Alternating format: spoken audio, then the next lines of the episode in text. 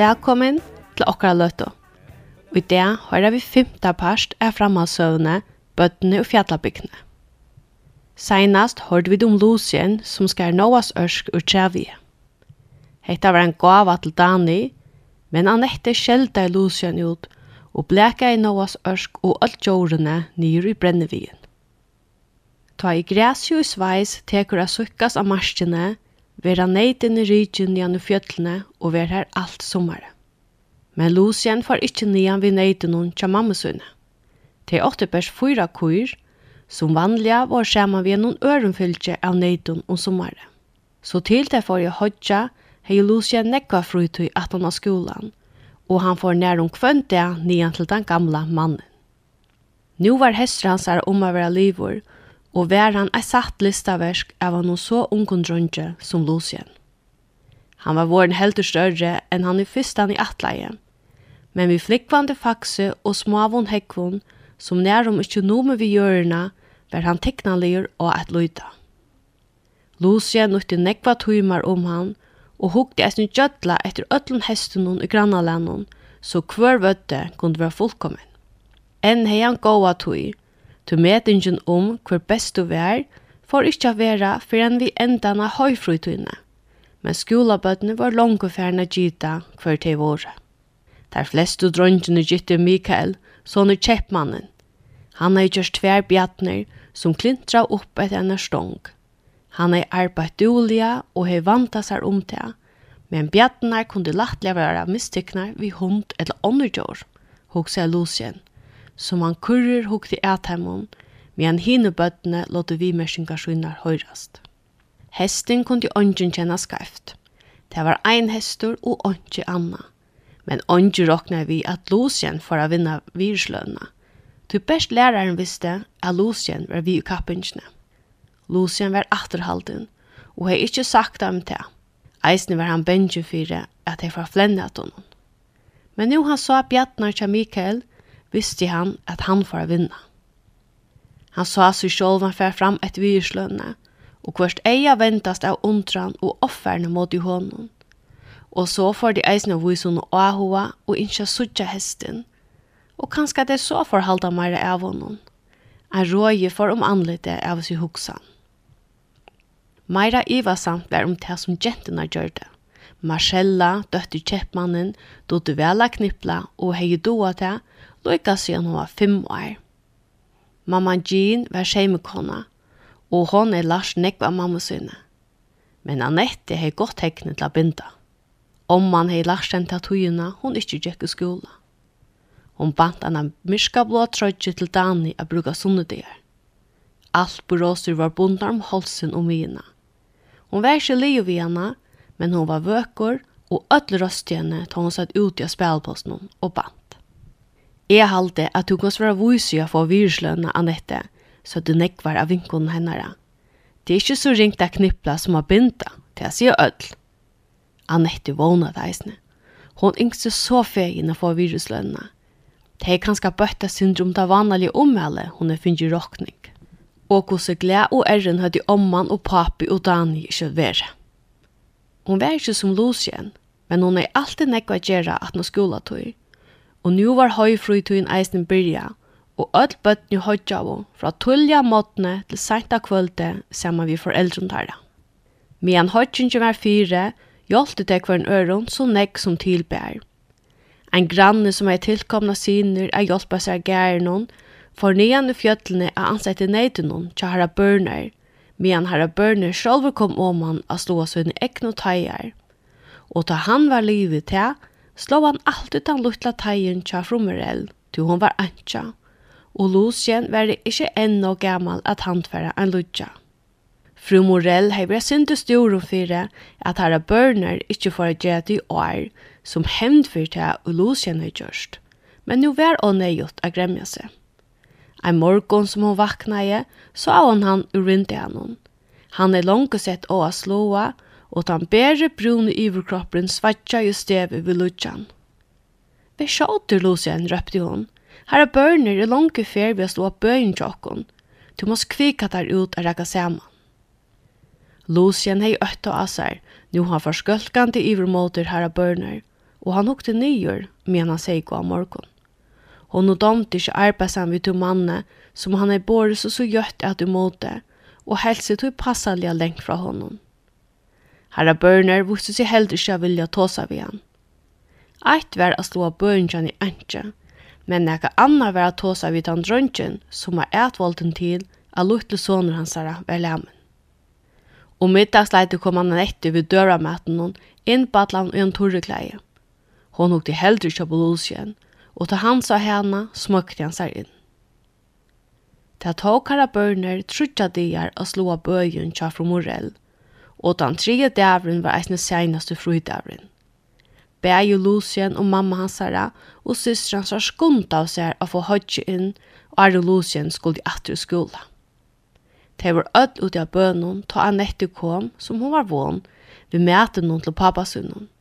Hon er skundt, til det en etter skulle loten i letas inn til kappingsene, og Annette var ikke endelig i trøtjene. Jeg iverstod med feie viruslønna, sier han etter for seg sjålvan. Jeg har gjerne vilja finne henne, men sjålt om ikke feie henne, så var Dani søter i sitt trøtjene. Bøveren la atan for husen noen, og av en noen heim kom han etter å genga fram i uttorene. Det var en ekvelig heidur davor, og an Anette var tyst, og horen fra balkongene inntil køtjen stod vi åpen.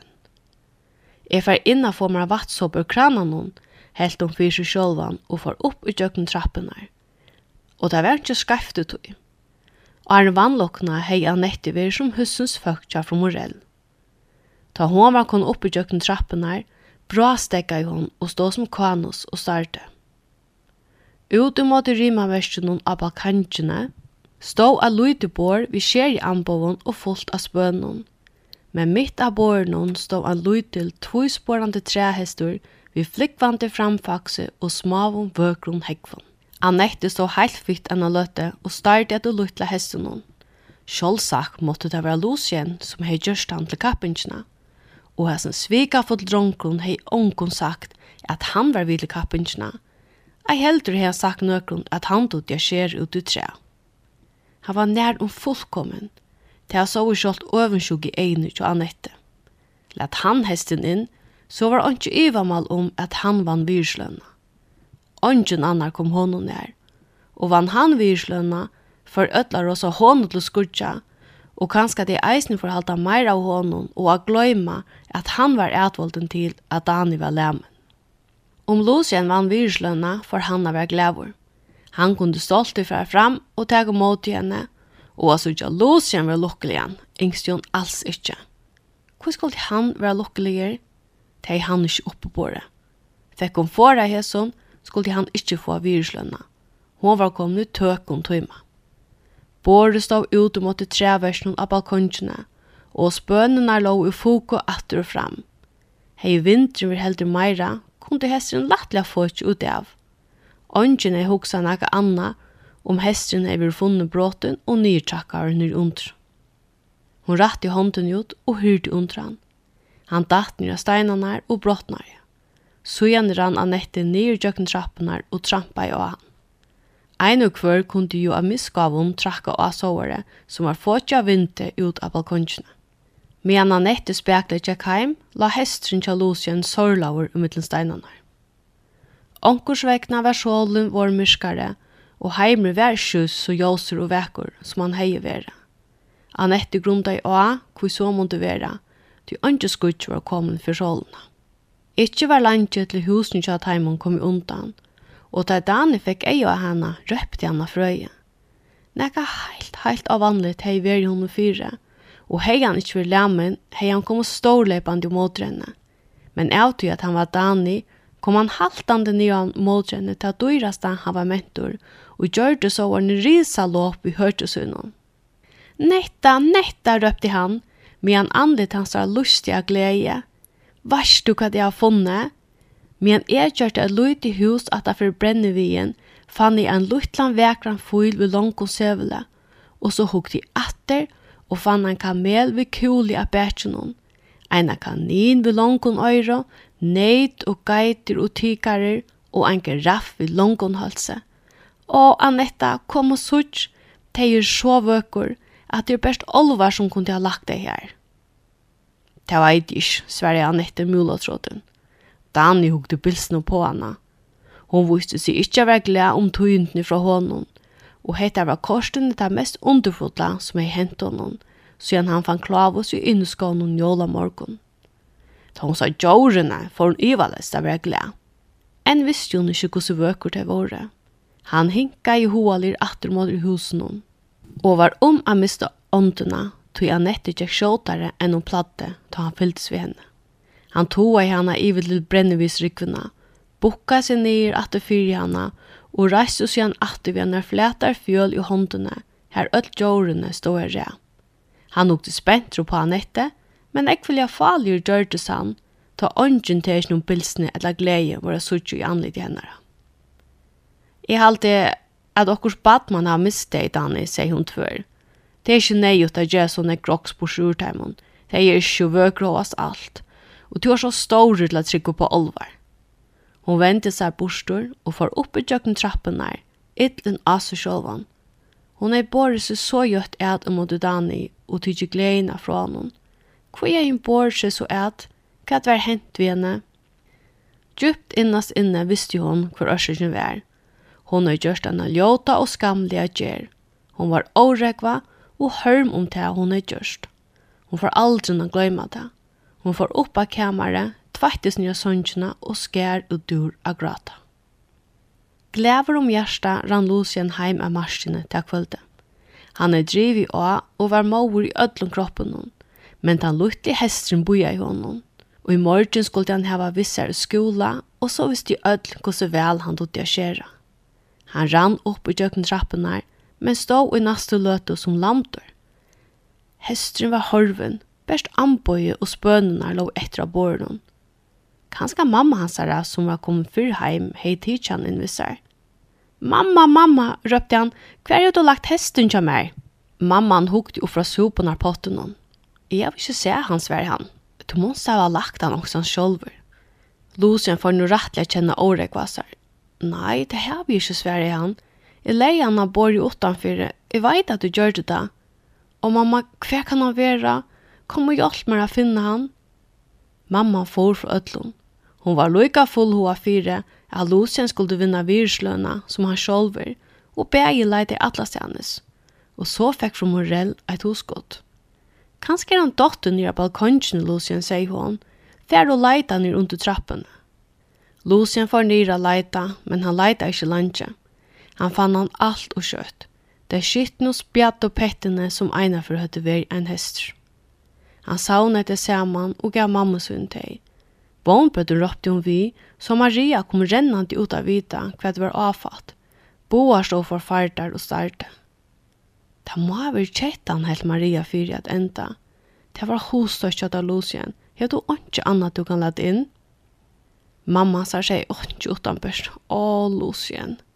Men maten hun sier du på, sier Nick. Lucien var famaltor. Han får inn og hukte av klokkene av brøsten hon. Jeg fer igjen av fjallet, sier han, og rundt jeg ble avgjørt av malen hon. Jeg var ikke atter for nåttra. Han rann ned gjøkken trappene og ned gjøkken bøyen. Her satan er lov en så små alder at du grøna sjån. Mamma hans er eglet at han døper i hoa til han kvarv under skoven. Så får hun atter til sopanna og smakret. Alt gong hun måte, sier hun hotung, for etnan onka til å være vi honom i nøkron. Lucian trulei seg fram i kjøkkenen myrska skoven. Han sa a kalla åndsje. Smaie grøyer uikotnar hoppa av mittel rundanar, men det gav han seg ikke færum, til han fikk ikke hoks om Anna enn da miste virslønna og baska vonbrottsut. Hvordan annar for å få heiren han er oppe på det. Han får framvis av vera ytla lutter og satte nyra. Aldri får han atra få hans lika møvlaka av visa taimun hvordan vel han dutt skjer ut. Ongen for å synne noen ahua vann han ikkje virslønn. Han var kommet til at åpels i skånen, og om man fyrir trætoppanar, så han tar kævaklatt og fjallatindanar handan fjøtlene som omgjorde delen. Jeg yngst er jeg kunne fære beina veien, hugsa han, og kunde byrja av nudjon her ongen kjente meg etla visste hva jeg hei gjørst. Hei jeg kunna bo en fremmande dele, så hei neiva rassfolk eins og her. Ei og hans var festa skære som la meg til tvær fjattatinder, og førte til den store byen her Maria arbeidde. Det er alltid hodet ikke han.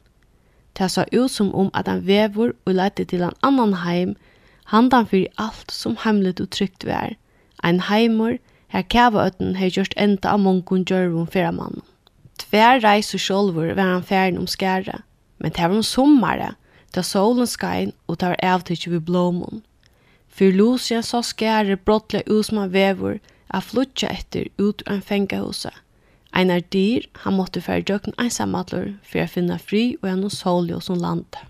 Ta i Lucien kom ut ur skoven hon, bær han eia vid hin gamla mannen. Lengt åren han fikk eia å se, til hinn gamle mæren satt utanfor dittnar. Hender opp under kind og starte mot fjötlun hin med en delen. Han hukte ikke opp før en loskjermen kom heilt nær. Å, sier han spekmaltur, er det atter to? Nå, hvordan ganger det vi er skjera og nedførst å få av viruslønna? Jeg får igjen ikke svære losen harmer av malen, hestene knustes under. Jeg halte jeg kjettan hos barskan ut av bordet og av balkongene, og onker trakk av han. Det var harmeligt, sier den gamle mævren vinaliga fyre. Men du kan skrive det at okkurst anna inn i stegen. Hvor er ikke Jemsene? Hun er velskåren.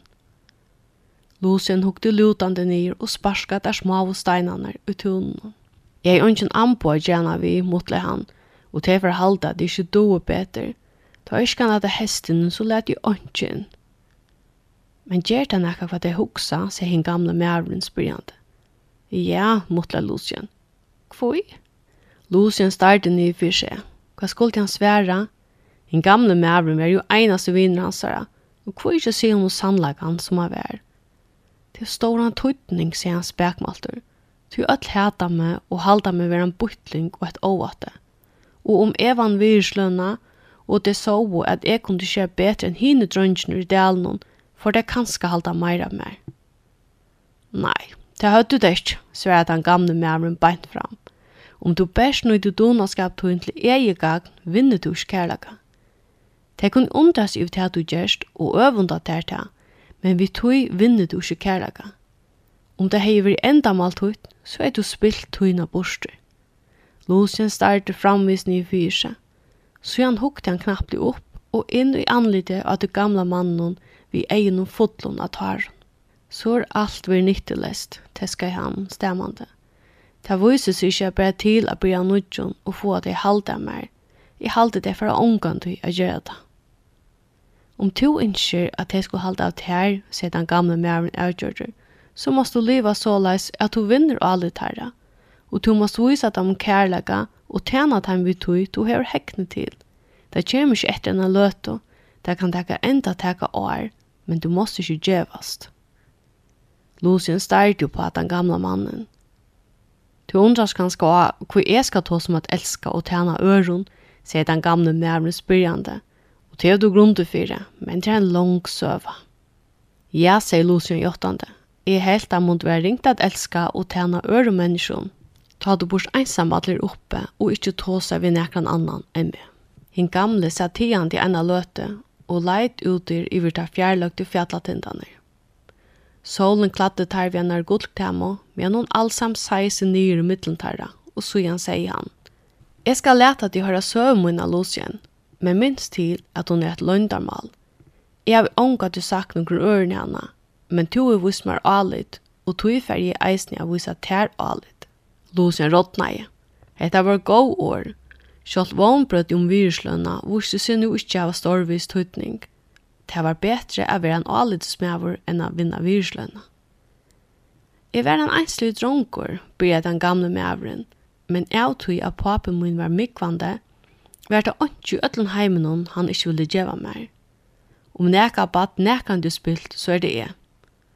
Og i alle sjølgåske mine var det korsene en dulig dronker, og ta jeg var tilkommen fikk jeg godt starv gjennom banka. Jeg til at jeg sundu donaskap, var mer vust mer og mer alit. Jeg fikk takka til jente og gifte seg med henne. God gav hun tvei skiner som var ekkuliga fytter. De første årene vi levde saman, halte jeg at jeg var en god maver og en god pappa. Men så kom jeg høsta ved nekra ringa menn som slæska for mer og bomar inn. De må domte vel å drekka og spela korst, Som tøyen lei får jeg bruka meir og meir av pener til drikkeskap og spel. Jeg skal ikke si at det er så nekk om teg og ærene. Jeg var meir og meir heimanifra og kom ofta drukken atter om kveldene. Der lukt lusine munne rattes med og skudja av meg. Kona mun bøna jo bæ meg om at djevas vi hesson og bæ fyrir meg, men jeg kunde ikke. Penkane gynge undan og folk for jeg hava ringa loj mot av året. Bankastjåren avværa meg tverferer, men tredje fer miste starve. Jeg røynte å finne et annet arbeid, men øtt kjente meg, og ånden ville vite av meg. Jeg røynte jeg vinne pening av korsbåren, men etna var ångat i vimmer, så jeg miste det sindre som jeg heier. Omfram til halda hus jo drøngner, måtte konan ut av arbeid, men hun fikk ikke noe mye av pening til oppihalda okkon ødlovi. Ein dagen kom hun til mun og sier mer at vi skylda av pening som vi ikke var før for å gjalda. Jeg rønte at gjøre hva det kunne for å få pening, så jeg kunne gjalda skuldene og kjøpe mer av størskundrykken. Jeg har ikke arbeidt å banka noen til åndkjøs. Jeg visste hvordan jeg sa ut, begge innan og utan, så ein dag gjør de av å bråte inn og stjela pening. Innbråte, som var sera vel fyrrega, etnas eisne, men ikkje nå vel. Jeg var seitni oppdaver og setter fastor, Og ta jeg ikke var før for jeg gjaldt han ikke atter at du nekka peningsnån som jeg heit tidkje, var jeg dømtur til å sida lenka tøy i fengehuset. Kona min hei sjuk i flere viker. Hun hei åbyrja seg og åt loit jo åndsje, for at drønnsjen kunne få han om mykje. Hun vidtja meg i fengehus noen, men kjøtt var meg greit at henne får ikke å være livlige, og alt og kjøtt døy hun. Jeg minnes ikke nek til måneden at han var. Jeg kjente meg slitnan og ensamallan. Jeg hei best eit at ukka meg vi. Alt mitt liv har meg dama vel å skåre ut ut treie, og i friløt noen fikk løyve å bruke anbøntja mer og skjera vidt hjemme. Jeg kom så vi og vi at doa betur, og en vin samur omkjønna med vår platt jeg selja lotene for meg inn i bøynen. Og hentan hatt vann jeg mer nekka penige, som jeg og ötlun alvor rundt jeg spara saman, Jeg vågnaði at ein dag a kunna byrja loiv i Anudjon. Tan dæbrun kom sjåtare enn jeg hei vanta. Jeg var kallar fram fyrir fyrstu mann i fengahusnum, som sier mer at jeg var noa vår vekna det gå et for jeg sunt, og om trutja viker skulle de være lete leiser. Jeg skundar meg atter til felagshøle og fengahusnum, og visste ikke om jeg skulle være glæver eller ikke. Jeg kunne være glæver om å slippe ut ur fengahusnum, men hver skulle jeg fære, og og hvordan kunne jeg bli løyve av nødjon. Jeg har sett meg fire at sine munner aldri skulle sutja meg atter eller vite hver vi er. Der får til ommene og appene være, og jeg visste at jeg var rasjer og donalir og kunne få noe gåa framtid. Jeg yngste ikke at jeg skulle mest at du ringa løyvnum til meg, for teimen yngste jeg være som ein og deg jo vær. Meira visste jeg ikke. Fyre stod med over fengahusens, bjóðaði sær til að hjálpa mér at byrja av nudjon, men jeg yngst ikke at nekker skulle vita hver jeg får, og tok du ikke ved hjálpene. Tan dagen jeg var leislaten, får jeg sted du luttla sindra pengon i hei og lommanon, og tok da fyrsta tårtjen gjennom fjøtlene. Her fikk jeg arbeid som røkninga med over tjønne bønda. Han vuste meg alit, og sjøtt kunne jeg sudja at han var en godsøttande med over. Da i fyra år var det fjæren, tok helsan av bilar til honom, Han får lakna, men fekk unga hjelp. Jeg var om han i ett år, og så når han seg virkja han tujon, men så døg han, og jeg var attur ensamallur. Sjålt om soner hans der var stekfytter mot meg, hei jeg mist min einas av vin. Soner hans der var noen ruike med vår, og han selte nøytene og gammer hessa småttene. Jeg kjøpte så igjen en guide og høst, savnet av luttla som vi åtte, saman og kom her og hevne bo her så igjen. Jeg har best ein vin, kjeppmannen i bøynen, som seler til jeg kjere. Vi kvørst leder han med fratta okkur som sinen er. Da er bare kom til manns og har godt starv. Anna er det lakne og henne er kjeppmaver. Ta vet ikke at jeg er i løyve, og til jeg glæver om. Jeg har vi ikke jeg kunne givet dem som virle, og navn mot jeg best først vann er og ivetar. Men i tjøkken løyve og årene tja konomen og bøndanen, er eisne jeg kom til trygg og gjøkne gods kærlaga og muskon som han vurste mer, vi har leta Jesus sånn sunn dodja for syndemunner. Jeg kan ikke gjalda dem nekka atter som er stjål fra, tu jeg veit ikkje hver det er, men korsten arbeider det som jeg kan. Nå har vi nærum samna lukkan eksamen som er stjål, og ta jeg har vi arbeid for alt, for jeg er djeva til at okkur godt endamal etter omkran person som særlig bruk for døy og til teg fer jeg gjalda til i skylda. Du sier at det løyser seg ikke byrja nudjon, men du får skyver. Jeg har gjort nekk skyft, nekk mer enn du, og jeg har livet mer enn te og en dronker som du kan svite om. Men det tryggve er god til fyrtjøy mer, og nu bruker jeg det er munner å arbeide atter te som er skyld i øron, og i røyne jeg være te som god til atla mer av være. Det er alt jeg kan gjøre. Det er alt jeg kan gjøre. Da feirna kunne vi best leta godi oppi hendur. Geiten hei nu reisse og heltes og bruna høver nira knøyne at du gamla mannen, og stod der mot vestunnen fra minnan og at nu var tydel av mjölka. Lucien reiste seg. Han gikk spekle heim. I arbeid jeg kan for jeg kunne gjalda det atter som er skyldte. Røyne jeg var til som god du atla mer av vera. Han hugsa nek om til så nekv at spurning om virusløna ikkje viste seg at storvist høytning langer. Han kunde ikkje gjøre Daniel fruskan atru beinon, men kanskje han anker du fikk av møylega at gjøre okkur størst for han. Og her atræt, så kunde han jo kvossig røyna av en fytte rongur. Eit nu var det mamman, hon var ring om at hesteren var bråten. Han skulle være horester og vise henne at han ikkje leie størvis ute, og kanskje hon så kunde gjest lukkelig atter. Ta han kom ut ur skånen kunde han suttja jåsen i vinden og småttene, som kastas sin heita og innbjående ljåma ut ut av dimme sommarkvirna. Som han gikk, hørte han fuglene lata og kjente en søta og sterska engan komme fra den nysletan græsno. Latter i hoa fra han oppe tjøkken trappen her, og mossa i mamma søyna som stod av balkonjene og hukte etter honom. «Jeg er så svenge, mamma», sier han vel hurter. «Hev du gått med nåttra?» Glæver om hjärsta gav han henne ett smil ta han hukte opp fra sopan av tallerkenen og skudgen kvarv ur egen hennara ta hon smulte satt.